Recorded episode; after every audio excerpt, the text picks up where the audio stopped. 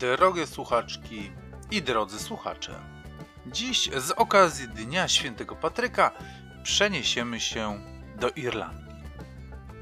Mam nadzieję, że historia Wam się spodoba i będziecie chcieli usłyszeć jej kontynuację.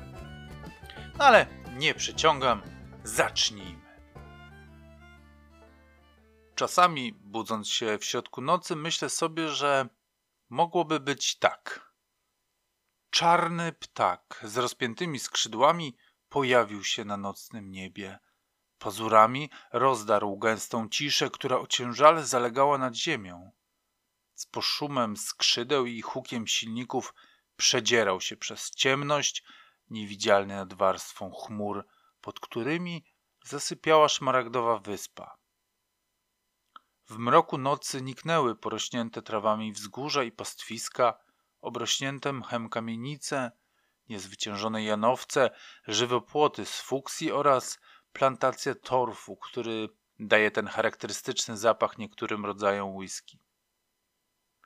Moja ekscytacja, że zaraz stanę na ziemi, po której stąpał James Joyce, Samuel Beckett czy Oscar Wilde, wciskała moją twarz w okienko, mimo że z nad chmur nie widziałem wyspy, tylko czerwone i zielone refleksy świateł pozycyjnych rozbijających się o pierzastą powierzchnię chmur. No i samolotowe skrzydło z jednym silnikiem, które drgało złowieszczo, jakby zaraz miało oderwać się od kadłuba. W duszy słyszałem dźwięki tradycyjnych pieśni irlandzkich w wykonaniu The Dubliners oraz punkowe ich wersje zespołu The Pokes.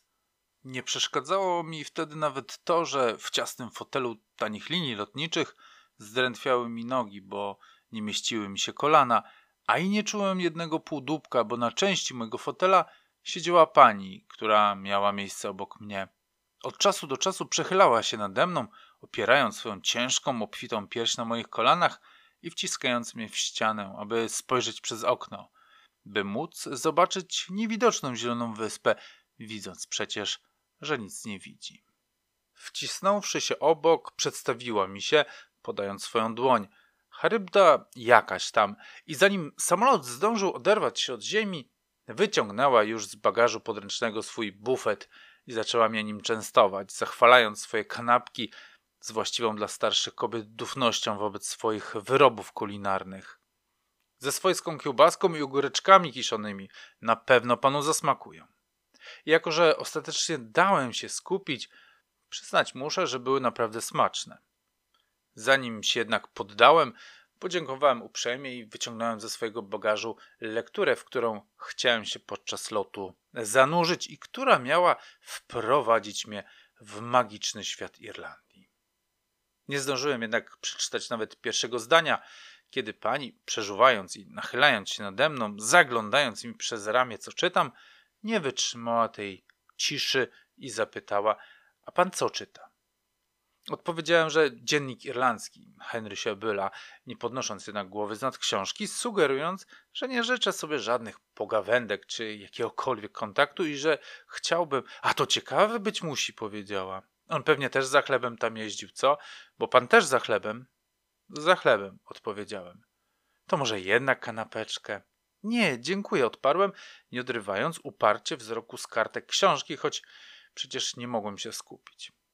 A ja do córki, wie pan? Dwa tygodnie w Polsce byłam, żeby odpocząć. Byłam i do córki wracam. Pomagam wychować jej synka. Mały, śliczny Bobas, jej synek, ma już prawie rok już ma. Jestem introwertykiem. Nie lubię z ludźmi gadać o niczym. Nie potrafię, nie znam się na tym. Zazwyczaj wybieram kąt i książkę, albo bezrefleksyjne gapienie się przez okno, nad rozmowę z nieznajomymi. A jednak cudem zawsze trafiam na tych, którzy nie potrafią przebyć drogi bez small talku. Naprawdę dobre kanapeczki, mówiła ona dalej. Na pewno pan nie chce. Na pewno. Odparłem z coraz słabszym uśmiechem. Ale czy na pewno nie chciałem? Kiszone ogóreczki i swojska kiełbaska wydzielały bardzo przyjemną i smakowitą woń. I ślinka sama zaczęła mi cieknąć. A może pan zna moją córkę? zapytała kobieta.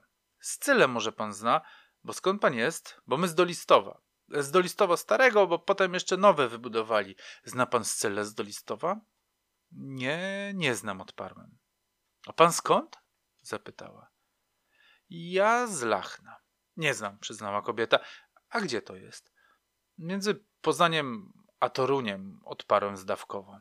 A, to pan spod Torunia, gdzie zakon Radia Najświętszej Marii Panny Domu Polskiego, gdzie ojciec dyrektor Tadeusz Borowyk swe gazania na cały świat głosi. Toż pan mi z nieba spadł. Pan opowie mi, jaki jest Tadeusz Borowyk. Pan go na oczy widział, prawda? Świątobliwość jego. Odłożyłem książkę na kolana i spojrzałem przez okno, za którym wciąż drgało skrzydło. Jakby miało oderwać się od kadłuba i rozbić na nierównej powierzchni chmur. Pan się lotu boi, powiedziała, jakby czytając mi w myślach. Pierwszy raz w samolocie, co? To widać na pierwsze spojrzenie. Pan się nie boi. Ja już wiele razy latałam i nic się nie stało. Przeżegnała się lewą ręką, trzymając kanapkę w prawej, odgryzając skęs i dodała, że Pan Bóg nad nami czuwa, a skoro ja spod Torunia jestem, to tym bardziej. Było coś wzruszającego w tej trosce i w tych zapewnieniach, że nic mi się nie stanie i z jakąś większą sympatią na nią spojrzałem. Pomyślałem wtedy o matce, która obudziła się dziś rano, nieświadoma mojej ucieczki, założyła szlafrok i poszła do kuchni szykować śniadanie dla mnie i dla ojca. Kiedy było już na stole, białe bułki, szyneczka, serek, jajko na miękko, zawołała mnie, nieco zdziwiona, że jeszcze nie wstałem. Po chwili zawtórował jej ojciec, a ja wciąż nie wychodziłem z pokoju. Więc matka z troską w głosie zapytała, a może on chory. A potem wstała od stołu, aby zobaczyć co ze mną, a mnie tam nie było. Łóżko puste, choć zasłane. Ubrania z krzesła zabrane, kurtki też nie ma. I pierwszą myślą musiało być, że wstałem wcześniej i poszedłem do pracy. Nic wczoraj nie mówił, powie do ojca, a on wzruszy ramionami. Jest dorosły, powie. Matce nawet do głowy nie przyszło, że od kilku tygodni przygotowywałem tę ucieczkę, że w tajemnicy pakowałem swój plecak, ręcznik, jakieś kosmetyki, t-shirty, dżinsy, koszule, majtki, skarpetki, nawet szczoteczkę do zębów, no i książki, choć kilka. Te najważniejsze, które miały mnie uczynić wielkim artystą. Grę w klasy Cortazara, Ulyssesa Joyce'a, Mistrza i Małgorzatę Bułhakowa. No jeszcze tykwa z bombilą. W ostatniej chwili sobie o nich przypomniałem. Nie zapisałem ich na listę i o mały włos zapomniałbym ze sobą zabrać. A tykwa, w której pijam od wielu lat yerba mate wraz ze srebrną rurką, to najważniejsze pamiątki, jakie posiadam. Dostałem je na urodziny od Aurelii i od tego czasu nie potrafię się z nimi rozstać. Podejrzewam, że jest to jakiś fetysz, pewien rodzaj lansowania się na artystę. Jak mi się skończy matę, jestem ugotowany jak Cortasar, jak jego Horacio. Zarzuciłem wreszcie plecak na siebie i raz jeszcze ogarnąłem pokój wzrokiem. Czego nie udało mi się zabrać, jest już stracone. Na biurku zostawiłem krótki list, w którym wszystko opisałem. Matka odnajdzie go dopiero wieczorem, kiedy ja już będę stawiał swą stopę na szmaragdowej wyspie. Wzruszy się i zacznie płakać. Czy ja sobie poradzę na obczyźnie? Ojciec wzruszy ramionami. Czas najwyższy, powie. Marcowe powietrze było jeszcze mroźne, przesycone zapachem dymu z kominów, palonym koksem i starymi szmatami. Drzewa wciąż nagie, jak z obrazów Kaspera Dawida Friedricha, a topniejący śnieg zalegał w rynsztokach. Mijałem uśpione kamienice, brukowaną starówkę, puste ulice nafaszerowane sklepami. Za dwie godziny będzie tu mnóstwo ludzi. Dzieciaków idących do szkoły, włóczących się licealistów, pań robiących zakupy. Minąłem ratusz, pod którym otwierały się właśnie piekarnie i pierwszy raz zrobiło mi się żal, że opuszczam to miasto. Nigdy dotąd nie czułem żalu, a wręcz cieszyłem się, że mogę wyrwać się z tego zaściankowego lachna, ale dotąd zawsze wracałem i wiedziałem, że wrócę. I być może właśnie to było w podróżach najprzyjemniejsze, ta świadomość, że kiedyś się wróci.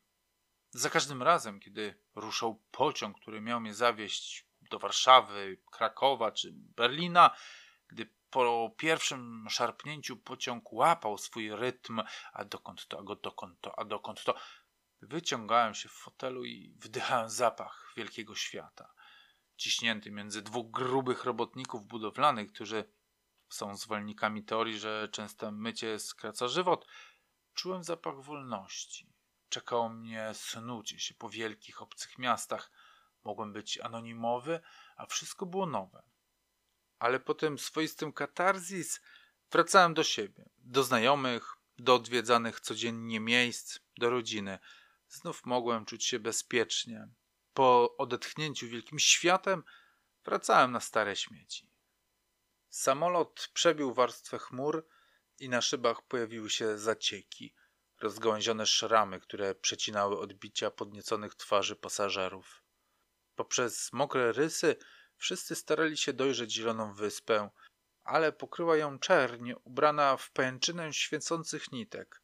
Z każdą sekundą nitki stawały się grubsze i bardziej wyraźne, aż zamieniły się w rzędy latarń przy dublińskich ulicach i mozaikę świateł w mieszkaniach. Oświetlony wąż sunął wzdłuż czarnej rzeki. A dokąd to, a go dokąd to, a dokąd to. Leon też wyglądał przez okno i zauważył, że skrzydło samolotu drga. Chwycił się za poręcze i wcisnął w oparcie fotela. Ogarnęło go nieprzyjemne uczucie, mieszanka stresu i strachu. To samo poczuł niecałe trzy godziny wcześniej, kiedy samolot ruszył i zaczął kołować po lotnisku. Po trzygodzinnym opóźnieniu, spowodowanym nie wiadomo czym, i po przebojach celnikami, którzy mieli kaprys przyszukać Leonowi plecak, linie lotnicze postanowiły przestraszyć pasażerów katastroficzną inscenizacją.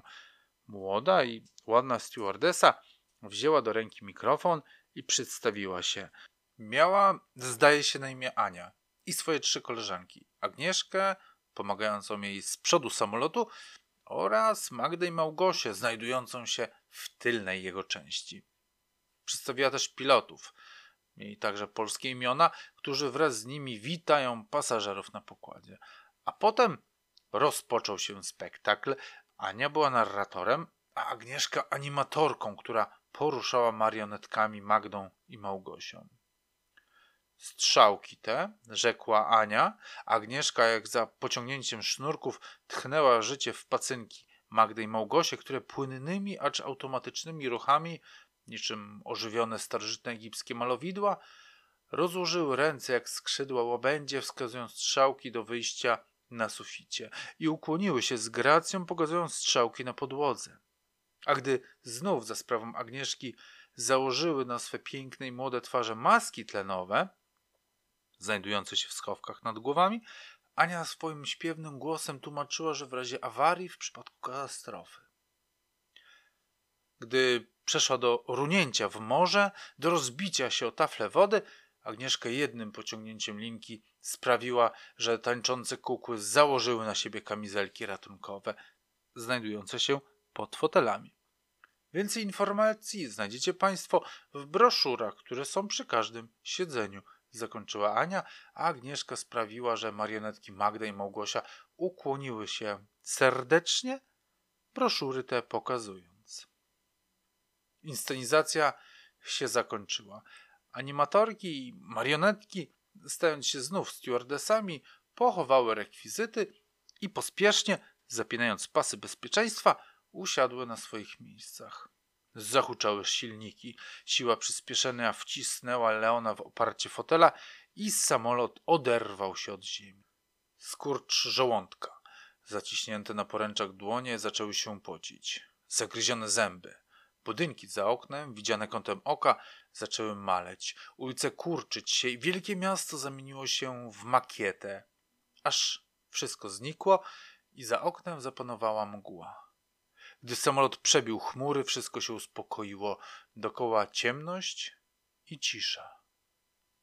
I starsza pani. Pan się nie boi się. Zawsze tak samolot rusza, to nic złego. Może kanapeczki. Leon nie miał ochoty na kanapeczkę. Starsza pani owszem. Ze swojską kiełbaską i z korniszonkami sama robiłam. Powinien pan spróbować. Mówił pan, że jak się nazywa? Nie mówił. Leon Pawlak. Bardzo mi miło. Charybda kasandryjska, powiedziała starsza pani, mlaszcząc kiełbaską domową i ogórkiem kiszonym. Do córki wracam i do wnuka. Wnuk ma, rok już ma. Leon pamiętał wszystko jak przez mgłę, jak wspomnienie odległego snu.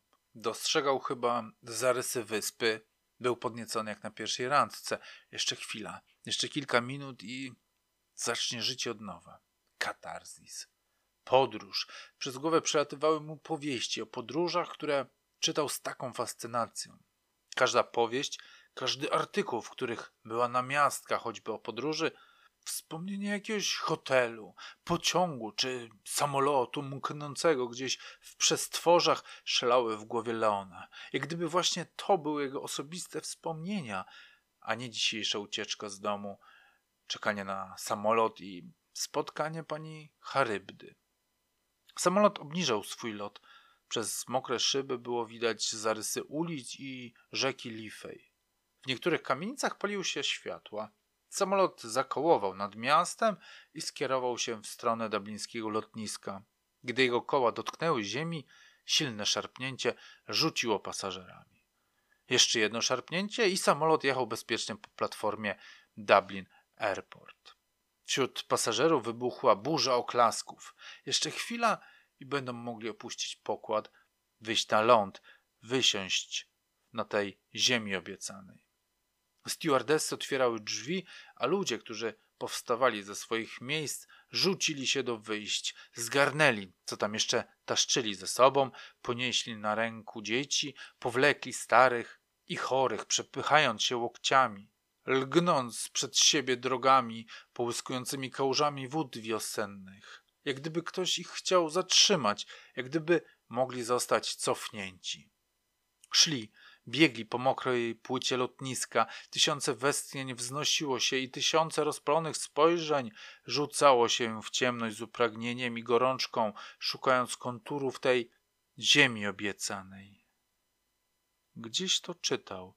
Leon, kiedyś w liceum. Ludzie pospiesznie opuszczali płytę lotniska, na którą padał rzęsisty deszcz, i wchodzili do budynku, kierowani przez pracowników Dublin Airport w odblaskowych kamizelkach i przeciwdeszczowych kurtkach. Szli korytarzami w strefie tranzytowej do urzędników celnych, aby ci ich odprawili, aby wpuścili ich do tego Edenu. Leon szedł za tym tłumem oszołomiony, niepewny, samotny. Nawet pani Charybda znikła z jego widoku. Stanął w kolejce do punktu kontrolnego. Poruszała się niezwykle szybko, ludzie zdawali się tylko pokazywać dokumenty. Celnicy ledwie rzucali na nie okiem i przepuszczali imigrantów. Gdy nadeszła wreszcie pora na Leona, młoda, uśmiechnięta funkcjonariuszka kontroli celnej w mundurze wzięła od niego paszport. How are you? zapytała, kiwnęła głową i powitała w Irlandii. Welcome to Ireland. Leon zastygł na sekundę, ogłupiały. Funkcjonariuszka była miła. Uśmiechała się do niego i mówiła welcome. A gdzie przeszukania? Gdzie opryskliwość, znudzenie na twarzy urzędnika? Gdzie podejrzenie, że jesteś bandytą? Gdzie surowa mina i lodowaty wzrok śledzący każdy twój ruch? Dopiero naciskający z tyłu imigranci ocucili Leona i wyrwał się ze swoich myśli. Odwrócił się, przeprosił, i minął linię granicy, która dzieliła przeszłość od przyszłości. Nie odpowiedział miłej funkcjonariuszce welcome, nie zapamiętał nawet jej twarzy, tylko uśmiech i ludzki gest. Wciąż niedowierzając, jakby tkwił w powieści albo jakimś filmie, jakby to nie działo się w rzeczywistości, ale czując zarazem radość, szedł za falą emigrantów, uchodźców, którzy podchodzili do taśmy z bagażami. W pewnym momencie dostrzegł postać, która zamajaczyła mu już na lotnisku w Warszawie. Nie był wtedy pewien, czy to on, teraz miał tę pewność. Wtedy na lotnisku w Warszawie miał nadzieję, że on nie wsiądzie do tego samego samolotu, że leci gdzie indziej, ale teraz znowu go zobaczył i zimne ciarki przeszły mu po plecach. Przypomniał sobie starą zasadę Czechowa – dotyczącą strzelby w pierwszym akcie, a ten jegomość jakby złowróżebnie nazywał się właśnie Strzelbicki. Antagon Strzelbicki, a w czasach szkolnych kazał na siebie mówić shotgun, nie będąc świadom, że pomieszała mu się strzelba z określeniem japońskiego dowódcy wojskowego. Strzelbicki był szkolnym łobuzem z amerykańskiego bully, znęcającym się nad innymi. W oczach Leona był zwykłym, młodocianym przestępcą i przez całą podstawówkę Leon marzył o tym, aby zostać kiedyś policjantem, by móc Strzelbickiego przeskrzynić. Antagon znęcał się nad młodszymi i słabszymi, zabierał pieniądze na drugie śniadanie, kazał pisać sobie pracę na język polski, rozwiązywać zadania z matematyki. Gdy tylko ktoś próbował mu odmówić, ten czekał na niego przed szkołą i dawał wpierdol. Co odważniejsi skarżyli nauczycielom, wychowawcy, dyrektorce lub pedagogzce szkolnej, ale nic to nie pomagało, a Strzelbicki od razu dowiadywał się, kto puścił farbę i wtedy znów czekał na niego przed szkołą, żeby dać mu wpierdol. Nauczyciele mogli mu obniżać oceny ze sprawowania, pani dyrektor wołała go na dywanik, pedagogzka próbowała z nim rozmawiać, ale on uśmiechał się głupio i wzruszał ramionami. Czasem mówił, że przeprasza, albo że to nieprawda, albo że to przecież tylko zabawa była. No i po szkole dawał tym, co na niego donieśli w pierdole. Problem, który Leon dostrzegł dopiero po latach, polegał chyba na tym, że metody wychowawcze, które sprawdzają się w przekrojowych rodzinach, nie mają w ogóle zastosowania w rodzinach dysfunkcyjnych, czy też mniej lub bardziej patologicznych. Antagon Strzelbicki miał w domu ojca, który notorycznie pił i golał. Miał matkę, która nieszczególnie się im interesowała i brata, który kilkakrotnie był w areszcie, a raz nawet w więzieniu. Mały Antagon chełpił się tym i widział w nim autorytet. Jaką więc karą była dla niego obniżona ocena ze sprawowania? Jaką karą w porównaniu do spontanicznych, choć w miarę regularnych razów wojskowym pasem ojca było besztanie przez panią dyrektor lub szkolną pedagogzkę. Bez perspektywy, wyłączając grypsowanie w zakładzie zamkniętym, Strzelbicki nie miał powodów obawiania się szkoły i pracowników. Szkoła była dla niego przecież tylko nieprzyjemnym i męczącym obowiązkiem.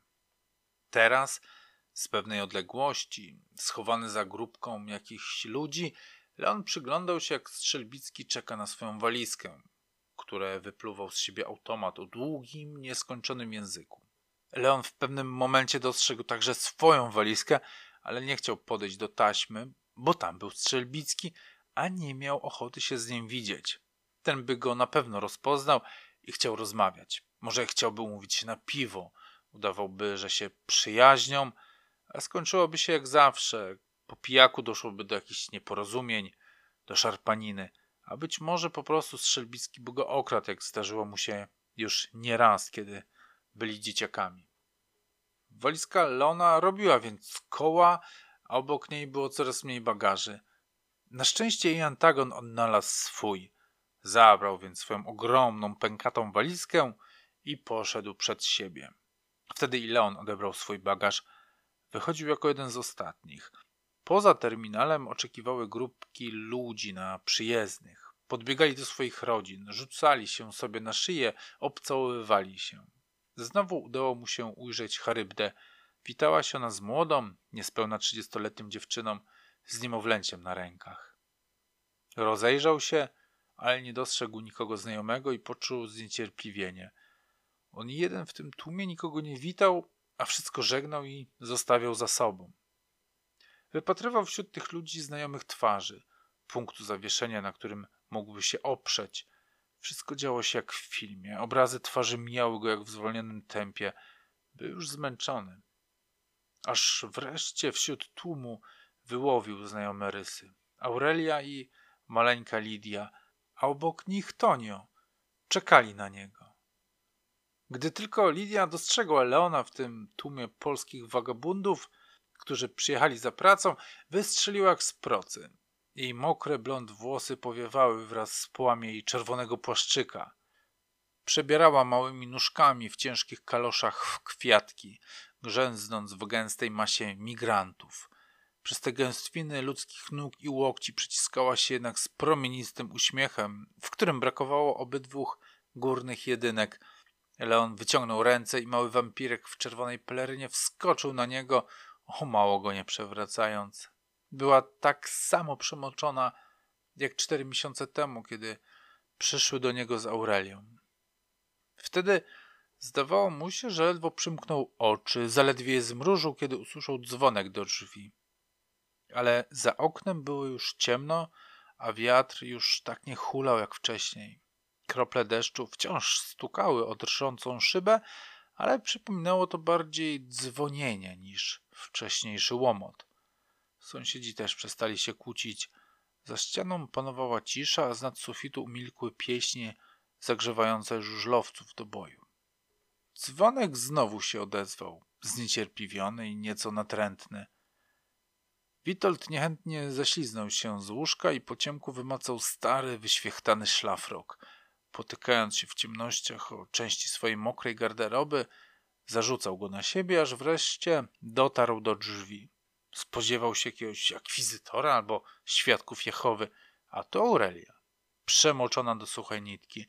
Za rękę trzymała swoją młodszą siostrzyczkę, podobną do niej jak krople wody, o tych samych niebieskich oczach.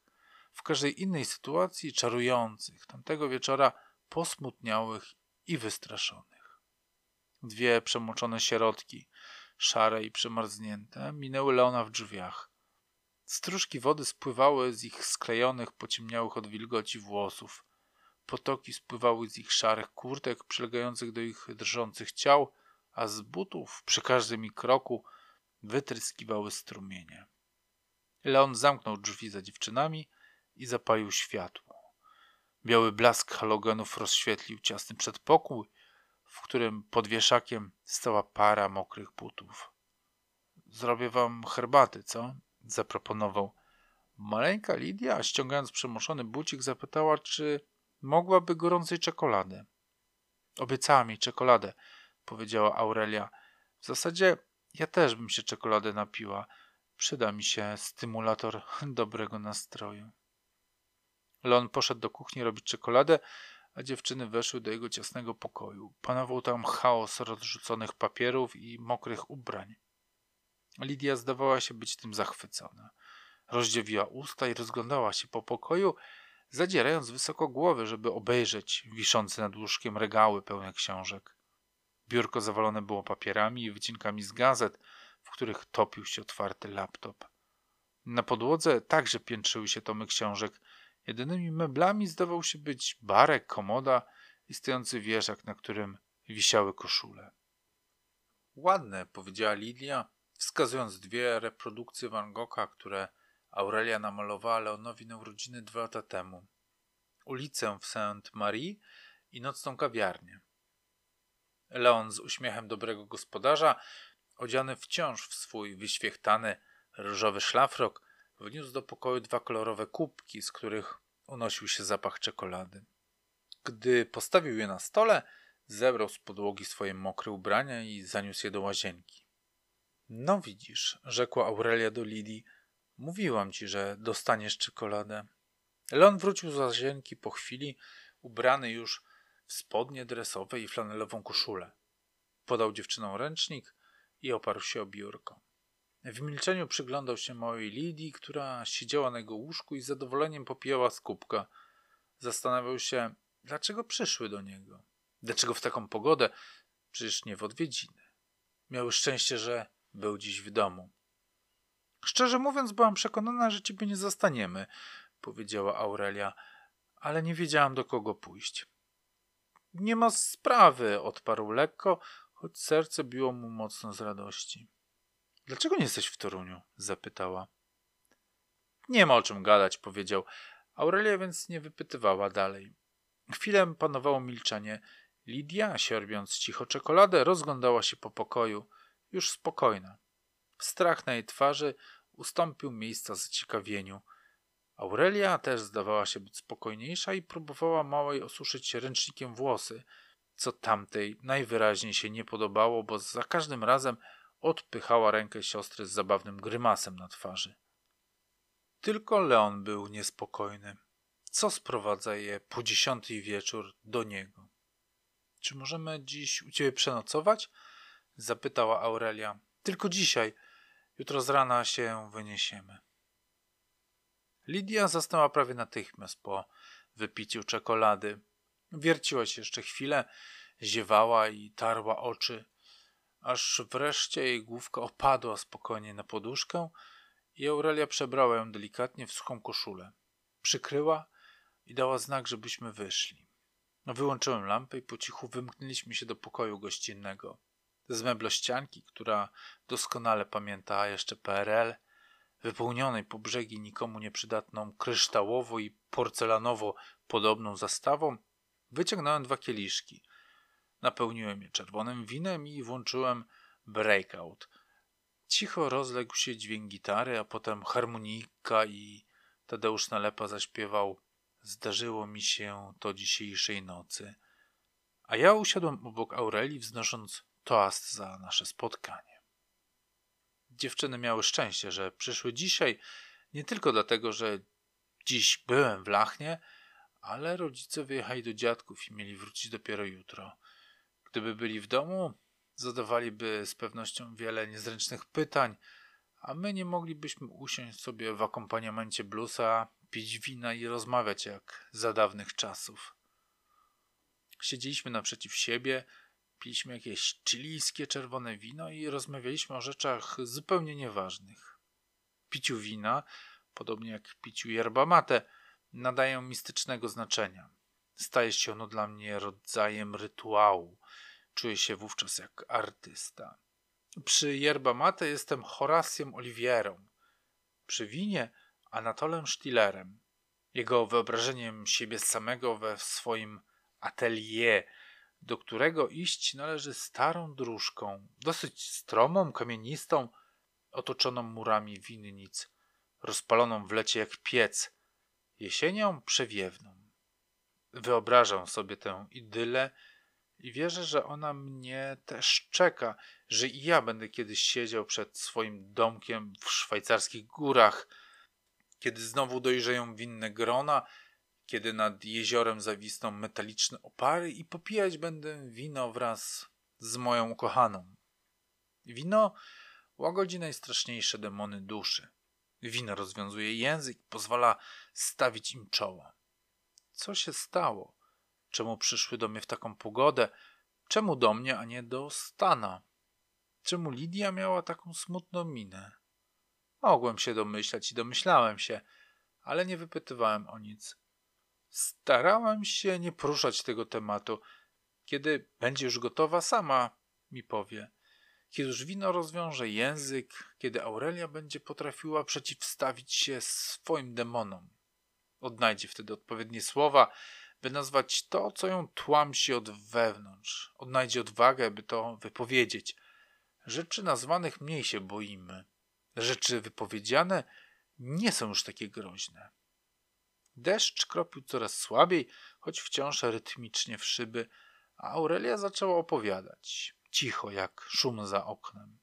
Kiedy wróciła z pracy, zastała Lidię w przedpokoju, skuloną między szafką na buty a wieszakiem z kurtkami. Siedziała z wystrzeszczonymi, wystraszonymi oczami, skierowanymi w stronę kuchni, w której podniesionym głosem rozmawiali rodzice. Matka była znów pijana. Krzyczała i uderzała pięściami w ojca, który stał z rękoma w kieszeniach, z cynicznym uśmiechem na twarzy. Spokojny, opanowany. Był bez marynarki, ale wciąż w swojej chabrowej koszuli i miodowym krawacie. Patrzył na nią w ten bezczelny, wyzywający sposób, jak tylko prawdziwi dranie mogą patrzeć. Ona skakała przed nim, rwała sobie włosy i zapchrypniętym głosem wyzywała go od dziwkarzy. Jej poplamiony fartuch kontrastował z jego ubiorem. Jej rozczochrane włosy z jego ułożoną fryzurą i zalotnym wąsem. Jej zniszczona twarz, pełna zmarszczek i bólu, z jego twarzą, ogoloną i świeżą. Swoje słabe, zniszczone praniem i zmywaniem dłonie zacisnęła w pięści i w desperacji uderzała go na oślep, a on uśmiechał się drwiąco. Obydwoje, nie zauważając Lidii, która siedziała skulona w przedpokoju, nie rozumiała, co się dzieje, nie znała znaczenia tych słów, które matka wykrzykiwała z taką pasją i nienawiścią. Nie wiedziała jeszcze, co to szyderstwo, ale czuła, że w spojrzeniu ojca tkwi coś złowrogiego. Aurelia pojawiła się jak wybawienie. Otworzyła drzwi, spojrzała do kuchni na rodziców stojących w świetle zimnej jeżeniówki, na zapłakaną matkę i uśmiechniętego ojca, który obdarzył ją krótkim, nic nieznaczącym spojrzeniem, wreszcie na przerażoną Lidię. Natychmiast uklękła obok siostry i zaczęła wsuwać na jej nóżki buciki, zakładać kurtkę, szalik, czapkę. Lidia, wpatrzona zamknionymi oczami w światło dochodzące z kuchni, mimowolnie poddawała się czynnościom siostry. Dała się chwycić za rękę i wyprowadzić z mieszkania. Biegnąc z Lidią przez strugi deszczu, Aurelia wyraźnie czuła drżenie jej malutkiej rączki. Smagane lodowatym wiatrem mokre baty przecinały czarne niebo, a Aurelia powtarzała wciąż, że zaraz będzie dobrze, że zaraz będą ustana, że Lidia zaraz się położy, że Stan poczyta jej bajkę, tę, którą ona tak lubi i daje gorącej czekolady. Dolewałem Aurelii wina, a ona mówiła coraz odważniej. W oczach zaliśniły płomyki nadziei. Zmieni swoje życie, zabierze Lidię ze sobą i rozpoczną wszystko od początku. Nie da się zapijaczonej matce i ojcu, który niczym się nie przejmuje. A później nagle, jakby trzeźwiejąc, bez radosnego błysku w oczach, z poważną miną dodała: Gdybym potrafiła wziąć Lidię, wyrwać ją stamtąd i gdzieś uciec, gdybym zostawiła matkę samą z jej chorym problemem. Ale ja tego nie zrobię, nie potrafię.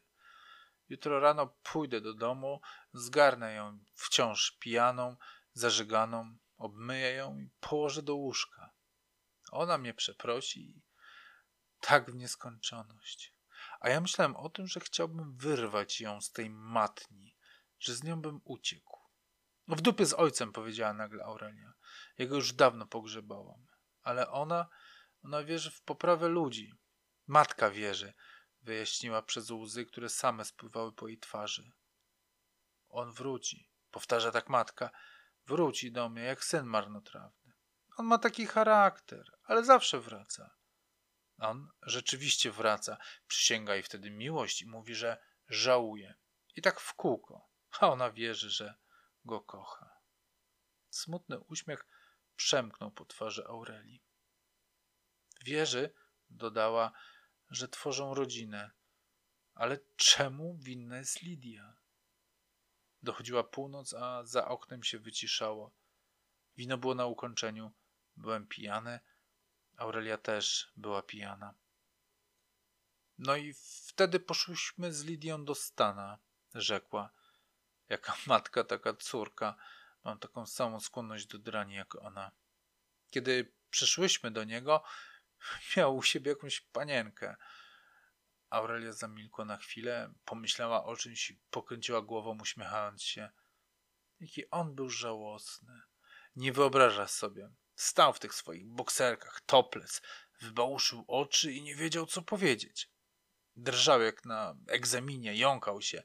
Cześć, Aurelia, co tu robisz? jest późno, nie, nie spodziewałem się ciebie. Żałosny. Panienka? Niczego sobie, ale z jej twarzy biła nieoszlifowana głupota. Tępy blask w oczach i jej idiotyczny uśmiech. Och, cześć, przepraszam, jestem... I wyciąga do mnie łapę. W pewnym momencie chyba przestałem jej słuchać. Patrzyłem na nią i widziałem najpiękniejszą kobietę na świecie. Marzyłem, żeby powiedzieć Aurelio, nie przejmuj się, uciekniemy gdzieś wspólnie. Zabierzemy Lidię i wyjedziemy. Zaczniemy wszystko od nowa. Ale nie powiedziałem tego, a ona podniosła się nagle. Jestem zmęczona, rzekła. Idę spać. Widziałem, jak wychodzi z pokoju i poczułem odwagę. Pomyślałem, że ją kocham, że chcę spędzić życie z nią.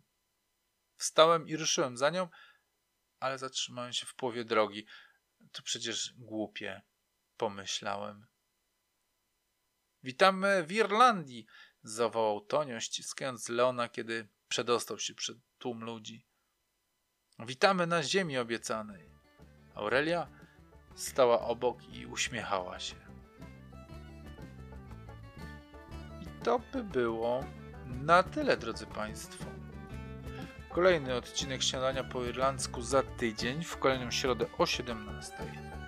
A następny odcinek prawdziwych zbrodni z Lachnieńskiej Kroniki Kryminalnej w najbliższą niedzielę. No i co? Dajcie mi w międzyczasie znać, czy taka formuła Wam się podoba. I do usłyszenia. Slainte!